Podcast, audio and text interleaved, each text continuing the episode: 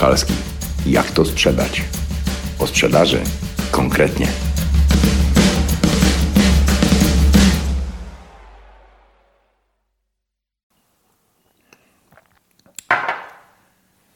Czasami robimy rzeczy, których robić nie chcemy. Czasami nie dostrzegamy tego, co istotne. Czasami nie widzimy lasu, bo nam drzewa zasłaniają.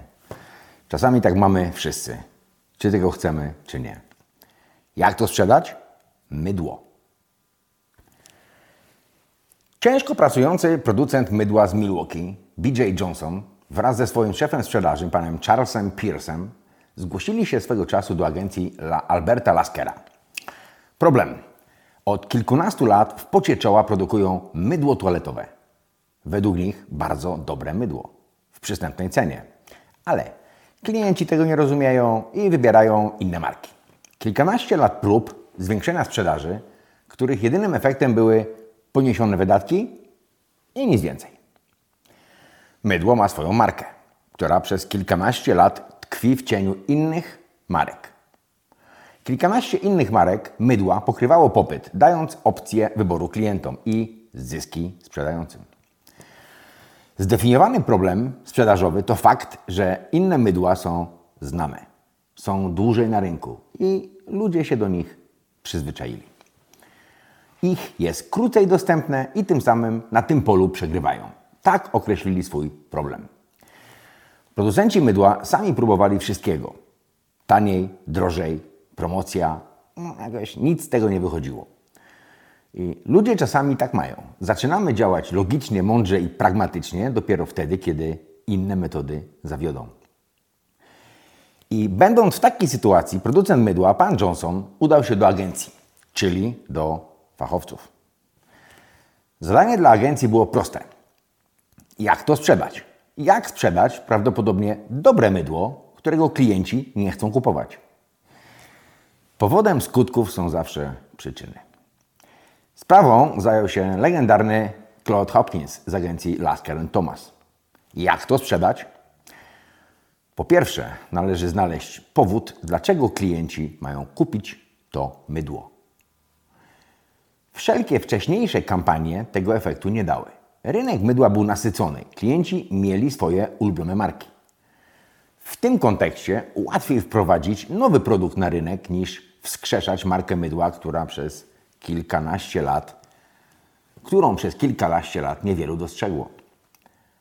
Konkurencyjne mydła oferowały korzyści funkcjonalne, łagodne, antyseptyczne, pachnące, odżywcze i naturalnie każde myło lepiej od innych. Efektu nowości nie można było też użyć do tego produktu, ponieważ miał kilkanaście lat. Przez dłuższy czas nie mogli znaleźć niczego, co mogłoby być wyjątkową propozycją sprzedaży, co byłoby odpowiedzią, dlaczego klienci mają kupić to mydło. Skoro rozwiązania nie można było znaleźć tam, gdzie szukano, zaczęli szukać w zupełnie innych, nieoczywistych miejscach. Źródło rozwiązania znaleziono w innej epoce. Kamienna tablica ze starożytnymi hieroglifami, na której opisano wpływ dwóch olejków na pielęgnację ludzkiego ciała. Okazało się, że starożytni Egipcjanie i Rzymianie używali tych olejków, aby dbać o swoje ciało i być pięknym, przede wszystkim kobiety. Dokładnie te dwa olejki używane były przez kilkanaście lat do produkcji niechcianego przez nikogo mydła. Olej palmowy oraz oliwa z oliwek. Producenci oraz agencje reklamowe nie widzieli związku między starożytnością a niechcianym mydłem. Hopkins to dostrzegł. I nagle produkt nabrał wartości. Powstała wyjątkowa propozycja sprzedaży. Niechciane od kilkunastu lat mydło dostało historię tysięcy lat dbania o swoje ciało, o skórę, o higienę. A z tym żadne inne konkurować nie mogło. To coś więcej niż społeczny dowód słuszności. Nagle ich mydło nie miało kilkunastu lat niepowodzeń na rynku. Miało tysiące lat dobrej tradycji.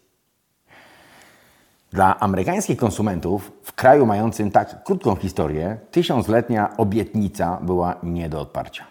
Poza tym, skoro Kleopatra używała olejku palmowego, to każda Amerykanka powinna też to robić. Za około 10 centów. Czyli mniej więcej tyle, co mydła konkurencyjne. Tylko konkurencja nie miała bezpośrednich związków z rzymskimi pięknościami i z Kleopatrą. A Palmolive miał. W ten sposób zrodził się pomysł na markę, na mydło, które zdominowało rynek, stając się w niedalekiej przyszłości najbardziej rozpoznawalną marką na świecie. W 1917 roku firma pana Johnsona zmieniła nazwę na Palmolive. Potem już wiecie, co się stało. Istotą był związek z tysiącletnią tradycją popartą dowodami wykutymi w kamiennych tablicach. To był powód, dzięki któremu klientki kupowały to mydło. Potem szampony, kremy do golenia i wiele innych produktów, które już nie musiały powoływać się na związki z Kleopatrą. W zasadzie w mydle nic się nie zmieniło. Mydło pozostało dokładnie takie, jakie było w czasie kilkunastu lat niepowodzeń rynkowych. Znaleziono tylko powód, dlaczego klientki mają kupić to mydło. I to powód nie do podważenia. No dobrze, pozostało tylko obwieścić to światu. Na testy handlowe agencja wybrała małe miasteczko Benton Harbor. Przetestowany tam model sprzedażowy sprawdzono jeszcze w czterech innych małych miastach, a efekty były identyczne za każdym razem.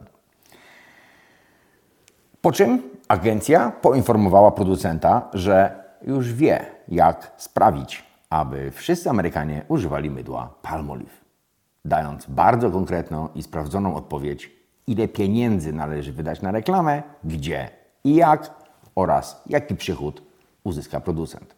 I tak się stało. A rzecz miała miejsce w 1911 roku. Pierwsza kampania bazowała na przekazie Sekret piękna od 3000 lat i wyglądała tak, jak na załączonej grafice. Wcześniej mydło reklamowano jako kojące, delikatne, odświeżające, które oczywiście myło. Czyli mówili to samo co inni i to mocy handlowej nie miało.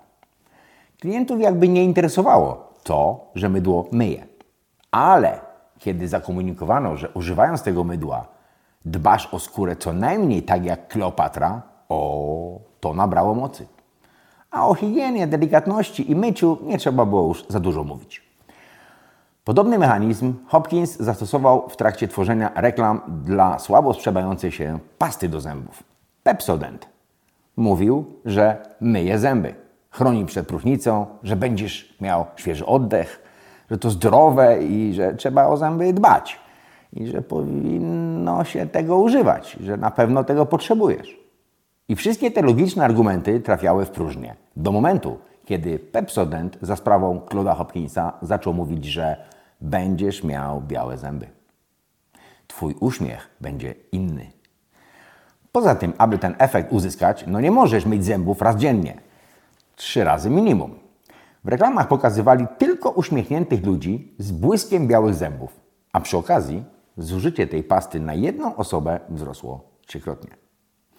Paradoksem jest to, że inne pasty miały podobny skład i też w sumie w efekcie ich używania mogłeś mieć białe zęby, ale one tego nie mówiły, nie obiecywały.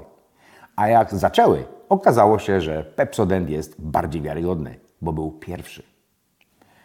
Lasker i Hopkins przy okazji pracy z Palmolive dokonali jeszcze jednego przełomu w handlu. E, zanim mydło zostało wprowadzone, należało znaleźć sposób, aby znalazło się na półkach, w drogeriach, aptekach, sklepach, wśród sklepikarzy, którzy wcześniej nie chcieli go mieć. Jak tego dokonali, to historia ma osobny podcast, a skonstruowany przez nich wehikuł sprzedażowy po raz pierwszy na taką skalę powtarzany jest w zasadzie do dziś i dalej działa. Z pewnością zastanawia się, czy te metody stosowane 120 lat temu te mechanizmy mogą działać dziś. Powiem tak.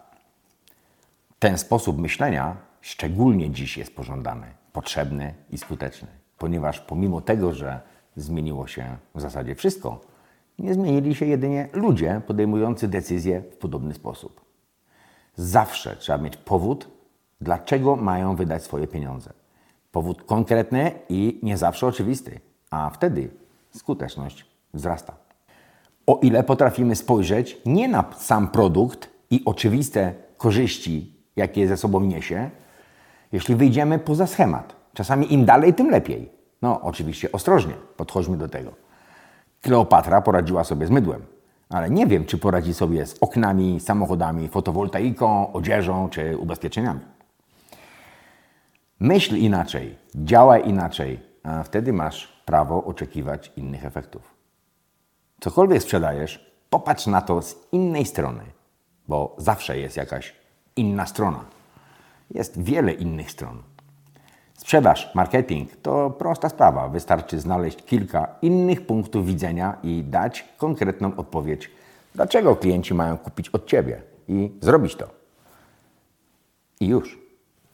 I taki właśnie punkt widzenia, opisy konkretnych transakcji handlowych znajdziesz w książce. Nie każdemu sprzedasz wszystko, co zechcesz. A jeśli chcesz czegoś więcej, zapraszam na trening. Trening umiejętności handlowych. Tam powstają wehikuły sprzedażowe firm, marek i handlowców. W takim razie do przeczytania i do zobaczenia być może. Jeśli jak to sprzedać Cię zaciekawiło, kliknij w czerwony przycisk gdzieś poniżej ekranu, a otrzymasz powiadomienia o każdej nowej publikacji. Dobrego dnia!